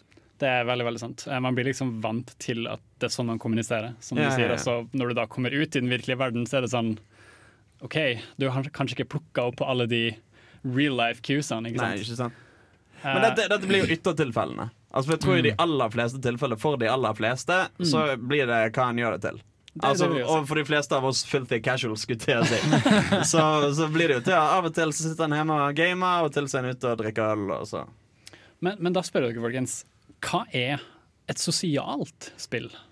Det, for, for min del så har det liksom alltid vært eh, local multiplayer. Syns jeg har alltid vært veldig sosialt. Yeah. Mm. Eh, og det, liksom, det har plaget meg veldig mye sånn siste par årene. For der er liksom veldig mange av de store konsollene har så sykt få eh, local Mm. multiplayer. Mm. Jeg husker liksom når Splatoon 1 kom ut til VU-en, så var det sånn, da var det mange av oss nerdeprat som var litt sånn Å, kult, skal vi spille det etter sendingen, liksom? Yeah. Eh, men da var det sånn Ja, vi må gå hver for oss, da, og sitte hjemme og spille. ikke sant? Da var det sånn Noen datt av på veien og så var vi hjemme, men så satt vi liksom for oss sjøl, da. Det var litt sånn rart. Eh, så jeg syns det er fint da med Switch nå, for eksempel. Så kan de jo sitte med hverandre igjen. Og For det er jo litt av ironien, da, at man, man sitter for seg sjøl for Ja, å sant. spille med andre. Altså, jeg husker Fra min oppvekst Så var det uh, første spillekonsollen jeg hadde, var en Xbox. Mm. Uh, og vår Altså, jeg har spilt gjennom hele Halo 2 mange ganger, men jeg tror sikkert ikke jeg har spilt mer enn en time av det alene. Mm. Uh, for da var det alltid split screen co-op med kamerater Ja. som var greien. Ja, det var jo Eh, svært at du kunne spille et sånt spill på splitscreen. husker. Ja, ja, ja, det var dødsgøy. Og typ sånn at Vi var, vi var en gjeng på fire-fem, og så var det sånn hvis du døde, så måtte du bytte kontrolleren med noen av de andre. og sånne ting eh, Lagde og sånne ting eh, Nice. Red Dead Revolver, altså den litt underkjente eh, eh, prequelen Eller det blir ikke riktig å si prequelen, for han kom før. Til eh, Red Dead Redemption. Eh, hadde en jævla gøy fireplayer split screen deathmatch som vi spilte halvt i hjel. Eh, hvor det, bas- det bare er fullstendig kaos, og du løper rundt og skyter og kaster kniver og alt mulig på de andre spillerne. Det er dødsgøy. Uh, så vi gjorde mye sånt i oppveksten min, i hvert fall. Jeg husker Ratchet and Clank var litt svært hos meg. Ja. Det var, jeg tror toeren eller treeren så begynte de å få sånn, nei, sånn coop-mode. Det var så gøy! Eh, for liksom, Vi gjorde det nesten som du sa, da Når det også var liksom i eneren. Da var det bare én player. Men da gjorde det samme at når noen døde, så bytta ja, ja. man litt på. og sånt da Så du fikk jo på en måte en sånn sosial opplevelse selv om det var bare én som spilte. Men det ble jo ekstra gøy når det var flere. Jeg husker jo, altså Nå har det jo på en måte gått inflasjon i det. Altså i mitt Steam Jeg er jo ikke en spesielt hardcore gamer, og jeg har drøy nesten 250 spill i Steam-biblioteket mitt. Ja. uh, så en har jo så mye, men på den tiden så hadde en jo ikke så mange spill. Altså Da fikk en jo kanskje etter bursdagen etter jul. Mm. Eh, og da var det jo sånn Når en i vennegjengen hadde fått et spill, så skulle alle hjem til han og Ja. spille det. Og sånn gikk det på runde i hele gjengen. Mm. Alt etter hvem som hadde fått det nyeste spillet. Jeg husker Det villeste var jo når noen fikk Nintendo 64 med Golden Eye og fikk lov av foreldrene sine til å spille Golden Eye. Da var det liksom Da var det en kulest kid i klassen som man løp til hjem etter uh, skolen. ass Jeg husker det var litt senere, men vi skulle kjøpe Assassin's Creed. Men det var jo 16 års aldersgrense på. Ja. Uh, og jeg var den som så eldst ut i vennegjengen, så jeg gikk og uh, Vi alle gikk hver sin gang inn på forskjellige butikker og prøvde. Jeg var den eneste som klarte å komme ut med det. Åh, sweet. Prøvde dere den teknikken der dere holdt tommelen over aldersgrensa på hjørnet? Jeg har jobba på spillbutikk, og det skjer fortsatt. Og det er så obvious. Jeg har opplevd det sjøl òg. Jeg har vært i samme situasjon. Uh. Får, får du noen som sitter på skuldrene til hverandre med en sånn frakk på seg? Kanskje. I'll never know. Oh, man. Uh, can confirm. Jobba i spillebutikk. Uh, det skjer. Ja. Nei, det, verste er at, det, det verste er liksom Det er ikke at de gjør det, men det er liksom hvor overly obvious at de gjør det. For det er sånn Veldig trykk på tommelen, og så tar de og bruker veldig mye effort til liksom å sette ned det jævla spillet på disken. da Legger dere folk på spill? Hæ? Blir folk legget på dataspill? Legget. Altså sjekket et legg på? Altså, ja, ja, ja, vi, altså, vi, for Problemet da er at uh, det er mange foreldre som blir su pottsure. Altså, det, er ikke noe, det er ikke noe lovverk sånn for kinoer. For I Kina så tror jeg det er lovfesta at du må ha med en voksen på sånne enkelte ting.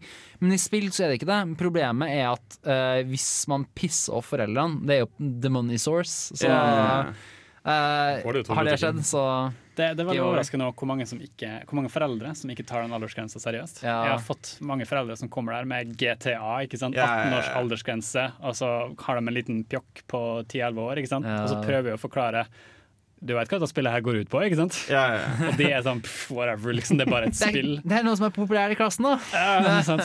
Eh, men det blir jo litt derailing nå, da. Um, fordi altså Ved et sosialt spill, da, hva, hva, hva er et usosialt spill? Noe som vi er inne på det ene og det andre. Åh, det jeg vil si Jeg vet Altså, mye singleplayer, iallfall. Sånn mm. in general. Eh, altså det, det er noen spilleopplevelser som- en spilleopplevelse som synes er sosiale. For eksempel sånn The Witness har jeg spilt. Det er Mm. puzzlegamet av han som laga Braid. Eh, det er kjempekult, for da liksom, er det et puzzlegame som er, er skitvanskelig til tider. Så det er kult å være liksom tre-fire foran skjermen da, som sitter her og løser puzzles og masse sånn shit. ikke sant? Men så har du liksom den andre ekstremen, da, med for eksempel GTA synes jeg egentlig ikke er så jævlig Spesielt hvis du skal spille story modes i forskjellige ting, og du har masse sånne etiske valg og sånt. Det synes jeg er dritkjedelig å sitte og se på noen andre gjøre det. For da er det litt sånn Mm. ah, Den valgen her vil jeg egentlig gjøre sjæl. Um, ja. Altså, tenk, altså Den typen spill hvor du blir jævla oppslukt Ja. av det, og som tar mye av tiden. Altså tenk typ sånn Skyrim, for eksempel. Ja, og generelt spill som lar seg lite dele, da, på en måte. Mm. At du, det er bare én som sitter og spiller hele tida. Jeg syns for eksempel uh, Runescape for eksempel, var jo kjempesvært Når jeg var kid. Oh, ja. Og det var, synes jeg liksom, det var liksom Du snakka liksom med hverandres avatarer og sånt, men det ble jo ofte veldig usosialt òg. For det var jo sånn, du kunne ikke eh, for det første så satte du min egen konto, og så var det veldig mange quests der du måtte eh, stå og levele og grinde ganske mye yeah. sjøl før du kunne gjøre noe sammen. Og nei, jeg vet ikke. Jeg følte akkurat sånn Når vi nevner RuneScape og sånne type spill, så føler jeg at det var veldig overfladisk om vi snakke sammen. Ja. Det er sånn Ja, jeg har fått den greia. Ja, jeg skal levele opp uh, den uh, abilityen. Uh, OK, vi snakkes, da. Og- Ja, noen som har lyst til å kjøpe Bronze Scimitar. Ja. eh, og, så, er det det. Det er, ikke, det er ikke en samtale om hva har du gjort i dag. Nei, jeg har gjort det og det og funnet på et eller annet. Og... Det blir, blir, det blir sånn som når- sånn jeg opplevde med å snakke med amerikanere når jeg bodde i USA. At det blir litt sånn Hey, how are you? Oh, I'm fine. Altså Det er liksom en formalitet, da. Ja. Ja, det er det. Altså Eneste interaksjonen har med folk i spillet, er liksom 100 flex, 10K. Eh, og så bare spennende meldinger eh, 20 ganger. Så det Nei. Jeg lurer også på sånne spill som MMOs. Mm. Uh, det kan også være usosialt. Jeg husker at Ja. Sjøl så opplevde jeg at hvis du på en måte kommer inn i den vanen at du spiller det alene, Ja, ja. selv om det er folk rundt deg, så blir det fort veldig usosialt, egentlig. Noen andre har noen meninger rundt det? Ja, Det blir igjen det samme jeg nevner. da Det føles ut som de få samtalene du har med de andre spillerne. Så er det Mm. sånn Det er veldig overfladisk og Det er bare sånn formaliteter. Go left, do this. Men veldig. Har jeg har kanskje lyst til å ta det, ja, Hans. Nei, altså Samtidig så har jo det overrasket òg. Altså en har jo hørt om eksempel sånn når noen i et guild dør, og de har holdt sånne her promenader hvor alle liksom kler seg i svarte klær i spillet. Mm. eh, og marsjerer sørgmodig nedover mm, liksom ja. disse eh, fantastiske landskapene. Eh, at folk faktisk får oppnår en slags connection da med de folkene Mm. de spiller med. Og så synes jeg Du har litt sånn andre eksemer nå, som Overwatch. For eksempel. Det har Mm. funka veldig fint for meg som en måte å catche opp med folk jeg ikke snakker så mye med Yeah, For eksempel. Gamle nerdepratfolk og generelt folk i studiet og sånt da, som ikke har sett på kjempelenge. Så blir det sånn, ja, det, det er liksom litt hjernedødt, og så kan du på en måte snakke litt rundt og sånt. da Men der har du kanskje forskjellen i det at Altså Alle jeg spiller Overwatch med, er jo folk eh, jeg kjenner, eller folk jeg kjenner som kjenner. Yeah. Eh, men altså det er liksom relasjoner jeg har fått før jeg spilte Overwatch. Yeah, Og så. Å ja, Lolo, du òg spiller Overwatch, la oss spille det sammen. Det tror jeg er litt hva du gjør det til, for jeg har en helt annen opplevelse. Jeg spiller mye med folk jeg har møtt via Overwatch, Ja. fordi jeg har funnet ut at vårt lag fungerte. Eller vår kompo- komposisjon av spill okay. har funka kjempebra. Men igjen da, det tror jeg er fordi du tar deg inn i en kompetitiv eh, verden. da. Jeg er nødt til å spille Overwatch igjen og igjen, for jeg, det er inntrykket at jeg må snart plukke det opp. Eh, litt lang prat her for oss. Vi fortsetter temasnakken etter eh, Turnabout Sisters fra eh, Phoenix Wright-spillet, lagd av Insane In The Rain Music, her på Nerdeprat.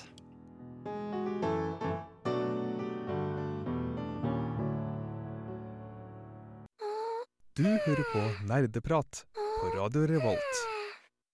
Hei, våkn opp, da! Nerdeprat. Jeg håper ikke du sovna etter den eh, veldig smooth Phoenix Wright-jazzen. Eh, vi, altså I og Steinar, gikk rundt i Trondheim og spurte fem veldig tilfeldige mennesker hva de syns om temaet, da, om spill er mer sosialt eller usosialt. Eh, og nå skal du få høre hvordan det gikk. Like PlayStation games, I don't play them, but a lot of my friends do, and I think it can be social. Like if you gather in the afternoon and you play a PlayStation game together, then it's a social game. Uh, I prefer more the board games because we are exchange students and we gather a lot uh, to play some board games or like yeah, just games in a group. So I think that's the most social game, but it just depends on your personality. What do you think about uh, TV games? Oh, I uh, like playing them, but I don't think. Well, I used to play SingStar a lot. That was a social event. It was pretty fun. but apart from that, I don't think it's a very social game. I would play them by myself. I used to play them by myself, like skateboarding and car races. That was just me playing. So I wouldn't say that they are very social, even though if you connect them to the internet, I guess they're social again. It always depends on how you play those games. But now to get to know people, I would say board games rather than PlayStation games. Med min hverdag så spiller jeg ekstremt mye Heartstone. Eh, og det er jo én mot én, og da er det stort sett dem som eh, legger deg til på vennelista der, folk som er forbanna på det. Så det blir jo, der ser du litt skyggesida av eh, internettspilling. Men jeg har jo spilt en del Jeg har spilt mye Destiny f.eks., og det var jo veldig Der fikk man nye venner, liksom. Det er jo typisk kanskje generelt for sånn, litt sånn MMO-sjangeren. At det er en sånn eh, både det beste og verste med spill i forhold til det å være sosial. Da. For det er utrolig fint å treffe folk der, eh, så lenge man ikke tar det så langt at man sitter dag og natt. For, det, for de fleste av oss er det noe som kanskje er sunt. Eh, Det her er jo medaljens bakside. ikke sant? Da? Ja, det er veldig sosialt fordi du får bli kjent med folk som er aldri kommer til å treffe ditt liv fra helt andre sida av verden, men samtidig så gjør du det i et eget rom alene klokka seks på natta. Ingen er der, bortsett fra dine internettfriends, så du blir kjent med folk, men samtidig ikke kjent med folk. Men det er jo også det med at du kan også spille i samme rom, du kan ha LAN, og du kan nå med Switchen og Nintendoen, som har gjort det veldig bra med å ta og ha portabel konsoller, da, så blir det jo sosialt i samme rom, selv om dere sitter med øynene i en egen skjerm for seg sjøl. Um, og også hvis du har, men det går også veldig mye til prinsippet om du har en gaminggjeng fra før av. Hvis du har en gaminggjeng som du kan spille online-spill med, så er det jo sosialt det òg. Men hvis du ikke har det, og du bare sitter og spiller Skyrim alene klokka tre på natta, så er det jo ikke så mye sosialt. da. Så det kan man sjøl gjøre det til om du er veldig heldig å ha en sosial fra før av. Så er det jo et sosialt spill en veldig viktig virkemiddel for å liksom, etablere mer vennskap. Men hvis du er inneklemt og ikke har så mye venner ellers, så er du fukt. Eh, usosialt. Fordi at uh, man sitter eh, på en måte for seg sjøl. Det blir en sånn kunstig, kunstig situasjon. Man har ikke kontakt med folk. Sikkert mange som er uenig i det, men jeg tenker det. Ja. All right. Thanks. Var det en tilfeldig Renate jeg hørte der? Ja, det, det var helt, helt tilfeldig. Uh, Det var fett. Nei, men altså, Hvis jeg skal bare kommentere, da spesielt Ja. førstedama. første dama Mm. Jeg er veldig enig med Altså jeg er veldig enig med henne på veldig mange punkter. For sånn brettspill merker jeg ofte er veldig mye mer sosiale. For at, jeg tror en stor del ved det er for at det foregår i tempoet som stemninga skjer i. At liksom I Overwatch så er det sånn hvis ting blir skikkelig intenst, så må den egentlig bare være on the game. Mens ja, i f.eks. sjakk eller jeg vet da, søren er Scrabble, så liksom kan du sitte liksom og gjøre narr av hverandre og snakke i eget tempo. da Ja, yeah, og vi hadde jo eh, På videregående så hadde vi noen sånne guttekvelder hvor alle karene i klassen eh, spilte Risk sammen. Ja. Eh, og drakk øl. Og vi rakk alltid to Risk-spill per kveld. Kult. Og det var alltid Det første var veldig pent og pyntelig og ordnede former. Og det andre var bare kaos med forrådelser her og switcheroos og folk som stabbet hverandre i ryggen og sånn. Eh, men det jeg syns, så, også som hun først nevnte, som vi ikke har nevnt noe særlig, er at du har jo selvfølgelig partyspill. Yeah. Altså som Singstar, for eksempel. Eh, som Mario Party, Guitar Hero, Mm. Rock Band, alle de spillene. Eh, Dance Dance Revolution, for den saks skyld. Eh, Jackbox eh, Partybox, eller hva det heter, det Mm. spillet. Eh, du har mange spill som er dataspill, men designet for at dette skal ikke du spille alene, dette skal du spille direkte med folk på fest. Mm, Men for å kommentere den, da så har jeg også opplevd den negative altså baksiden med det. da For jeg har opplevd at liksom, liksom på noen fester så har ting som f.eks. Jackbox eh, blitt dratt fram som en sånn ting når ikke, man ikke får komme helt i gang. da Mm. eh, Og så har liksom man har tatt fram, da og så blir man liksom sitter man på telefonen sin da og så bare sånn prøver å konsentrere seg skikkelig on the game. da Jo, jo. Det har vært Noen ganger har Jack Jackbox vært skikkelig kult. Jeg husker Steinar for eksempel tok det opp på bursdagsfest på hytta en gang. Det var Mm. dritgøy. Eh, Men jeg tror også var litt For da liksom kjente vi litt hverandre fra før. Liksom, yeah, hadde allerede. Men så har jeg vært på andre fester hos andre folk der liksom eh, Folk har bare dratt ut av sekken da for at det har vært litt stille, og så satt folk der, da. Så Jo, men altså, du er jo sammenlignbart med altså, det å ha med seg gitar på fest. Det, det, altså, det kan bli bra, og folk synger idyll, og alle synger med. Eller det kan bli Nei, hysj, nå skal jeg spille Cecilie Lind alene. Og dere skal høre på. Ja. Det, det går litt i sånn brettspillsnakk, husker jeg, når vi hadde den der um, eh, åh, hva det var, uh, rollespillsendinga der vi skulle snakke mye om hva vi hadde spilt Altså det første brettspillet vi hadde spilt. Mm. Og da var alle svarte ludo. Så det, det går liksom Men sjøl ludo Men, uh, kan bli fuckings intenst, altså. ja, ja, ja. Det, er, det er nettopp det. At jeg Særlig ser virkelig det sosiale med Hvis en har et par små innabords. Uh, og folk begynner, så kan folk danne allianser i ludo òg. Drikkeludo er fantastisk morsomt. Eh, Da du det? Er? Ja, det er én ting, men Ah, du har okay. også disse spesielle brettene der du har shotglass istedenfor runde trebrikker. It's very good. Da vil jeg gjerne promotere Mario Kart drinking game. Ja. Hvor du skal fullføre en øl Ja. samtidig som du spiller for å, å komme frem til mål. Fordi der er reglene omdiskutert.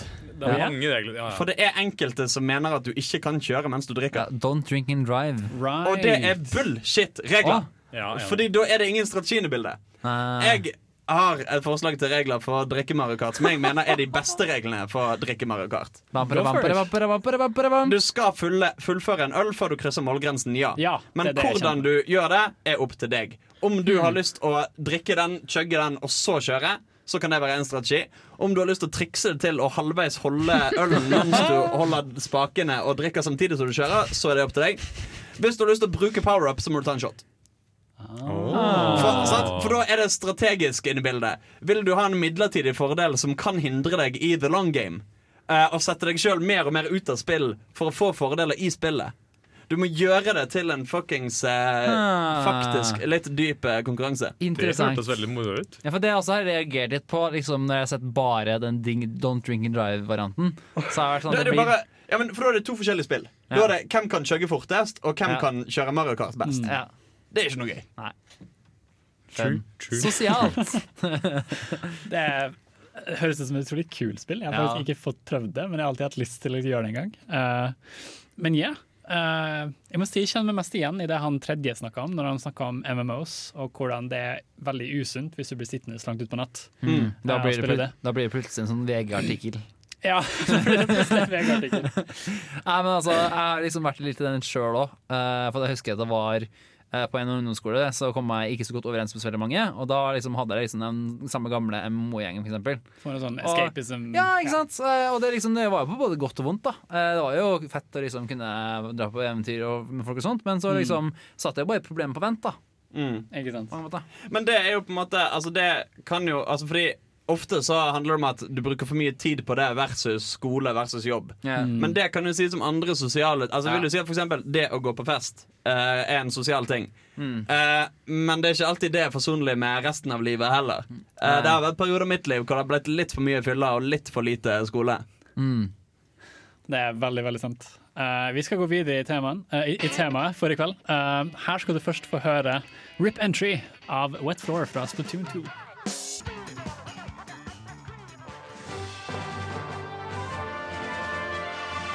Du hører på Nerdeprat på Radio Revolt. Og vi snakker fortsatt om spill er mer sosialt eller usosialt. Eh, nei da, jeg bare tuller. Jo da, vi gjør det. Altså En ting som har slått meg, er at um, det er jo en del innad i spill hvor du har veldig egne spesielle social cues som du ikke finner andre steder. Mm. Altså for eksempel, Nå snakker vi veldig mye om Overwatch, men der òg har du et par ting. Altså for eksempel når du er enten i en skirmish eller venter på at lagene skal fylles opp. Ja. Eh, så slippes du ut med karakterer på levelen og på hverandres lag. Eh, selv om eh, de pointsene du skal fange, ikke er åpne ennå. Og da er det en sånn merkelig sosial balanse, for da er det typisk vanlig at folk skyter ikke med en gang. For det liksom, Da er det før krigen offisielt er begynt, så da går hun ut og liksom hilser litt og kanskje danser litt med hverandre. Eh, og gjør sånn emotes med hverandre. Inntil han ene Hanzoen eh, som står oppe på hjørnet, fyrer av en headshot, og da på en måte forsvinner hele liksom. det, det, det blir som en sånn derre eh, så, Sånn som en hører om på julaften i skyttergravskrigene. Ja, så var det én natt med fred. Jeg har misforstått helt, jeg. Jeg jo skutt i med en gang. Du er headshot-fyren som Oh, tenker God, Og se på, se på den stakkars nuben av en Ana som sitter der og deler ut godteri. Hun skal faen meg få en uh, headshot. Men du har tilsvarende i eksempel Player Knowns Battleground, hvor du går inn i en sånn lobby først hvor det er masse våpen, men ingen, har, uh, ingen kan ta skade. Eh, hvor noen går rundt og skyter, mens en, det da plutselig danner seg sånn at eh, folk eh, åler seg bortover i lange rekker og gjør sånne rare Jenga-ting. Jeg skal akkurat kommentere det. Det føles veldig sånn kultgreie. Yeah. Men det blir jo sånne små sånne oppførelser hvor folk blir enige om at dette er liksom Dette er det vi holder på med i disse sekvensene. Og det er jo liksom identitet, identitetsskapende òg. At du får liksom sånn interngreier i spillene. Og det Mm. husker jeg har liksom vært greia med både Runescape og Watson. Uh, òg. ja, nei, det, det gjør jo på en måte en greie, da. Ja, og du får, altså, det, det blir noe veldig unikt som du liksom Mm. ikke finner så jævlig mange andre steder enn i dataspill. du kan liksom ikke gå rundt og kravle på gata liksom, og at det skal være street. Nei, nei. Gjør ikke. I bare undertøyet.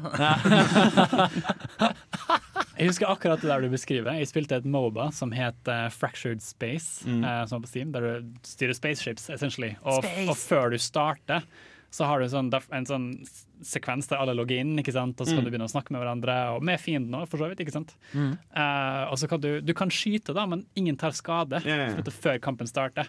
Så du Mm. ser folk skyte ut ting i hytt og pine, og Mm. ingen dør, da, men bare har det gøy og snakker. sånn. Det er utrolig koselig. Ikke sant? Uh, så det er jo en måte uh, man virkelig kan fremme det sosiale på. da. Altså, du ser jo altså enkelte sånn på en måte tradisjoner som danner seg, hvor eksempel i eh, Dark Souls så er det et eh, PVP-element. Mm. Uh, og i Souls-spillene generelt så er det jo eksempel vanlig uh, kutyme da at uh, med en gang en spawner inn, så har han et lite øyeblikk hvor en ser på hverandre og tømmer alle healing itemsene sine. Mm. Uh, sånn at en ikke skal bruke heal healing items underveis i fighten. Eh, og da blir det på en måte sånne høflighetsgreier overfor hverandre. Som blir en merkelig, men kul greie. Hmm.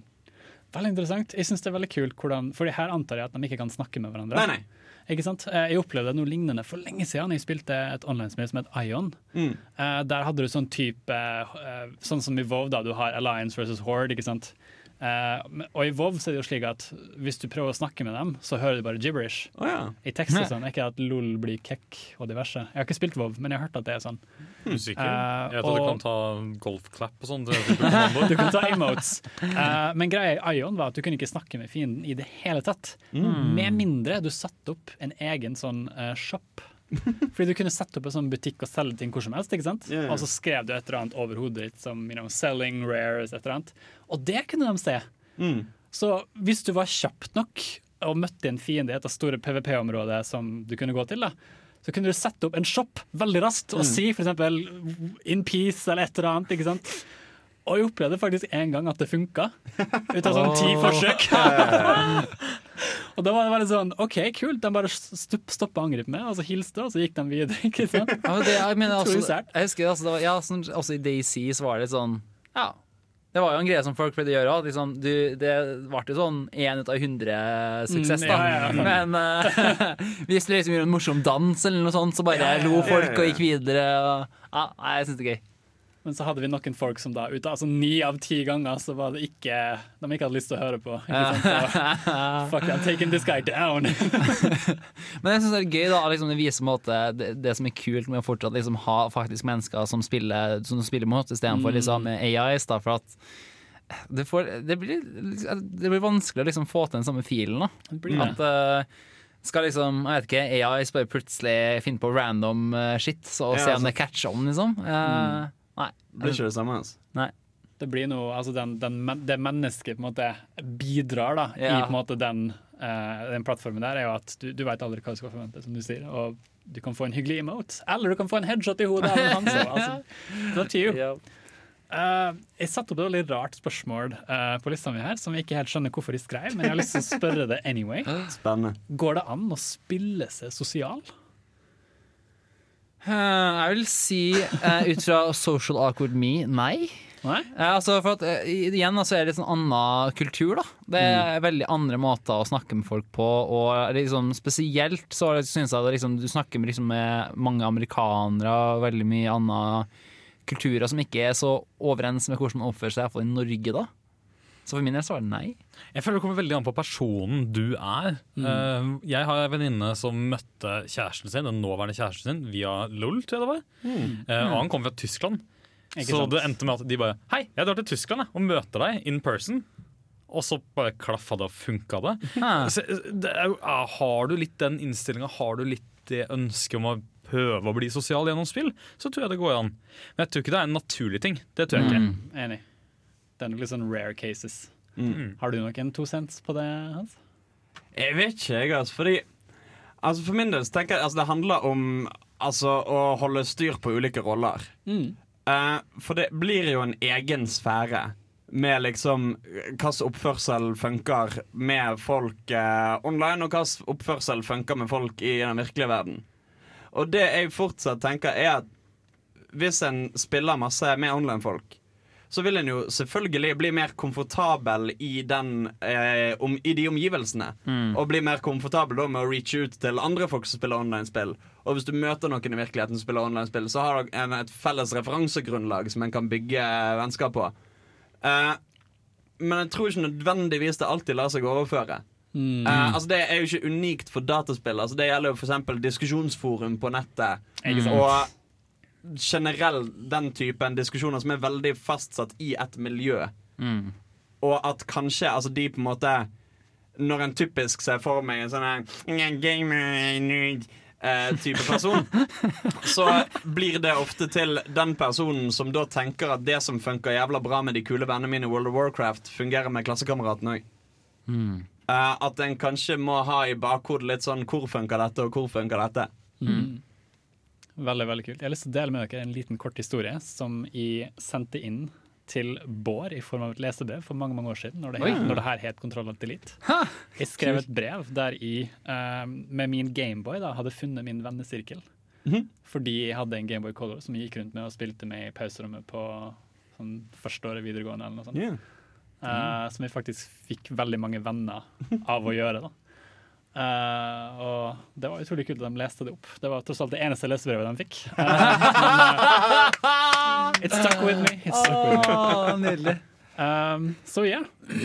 Jeg tror vi korker den diskusjonen der. Eh, og så eh, skal vi kjøre videre med ei låt før vi går inn i den avsluttende fasen av programmet vårt. Vi har snakka om å, Jesus, det har vært så tettpakka. Så mye rart. Uh, men vi har hovedsakelig uh, hatt en fest og prata om spillet mer sosialt eller usosialt. Uh, og det kommer til å Det har vært så mye. Nå snakker jeg bare tull. Folkens, her får dere høre Wow, I'm in Space Cuba av Jake Bird Kaufman her på Nerdeprat.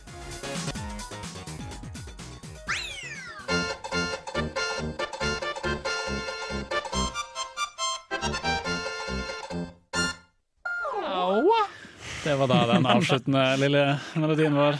Uh, tusen hjertelig takk for at dere har hørt på oss i dag. Vi har snakka om spillet mer usosialt eller sosialt. Du har hørt reportasje av fem folk som Ia Steinar har funnet ute på gata, helt tilfeldig, i Trondheim. Hei, Du har fått ukas utfordring, der vi har vært datingcoacher. Og vet, nå vet vi at Fedora egentlig ikke er kult i seg selv. Men det kan bli det. Det Jeg, jeg, jeg tror Fedoraen kommer til å gjøre et comeback. Med rosa pels. pels. wow. Med rosa pels.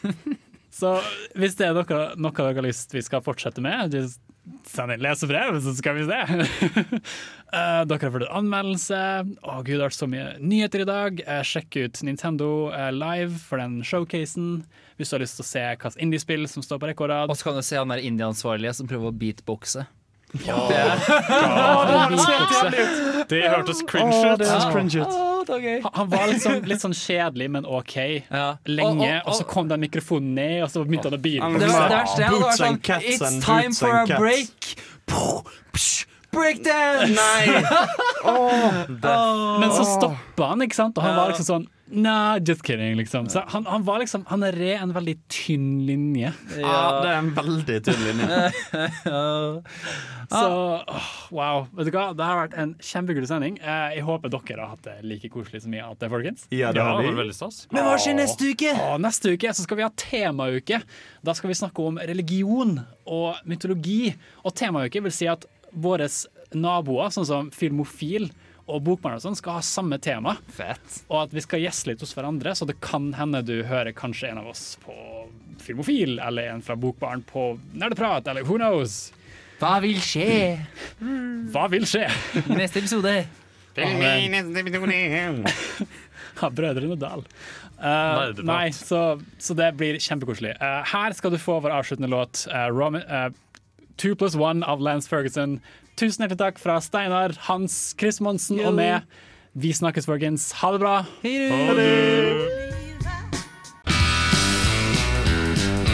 Du lyttet nettopp til en podkast fra Radio Revolt. For å høre flere av våre podkaster, gå inn på radiorevolt.no.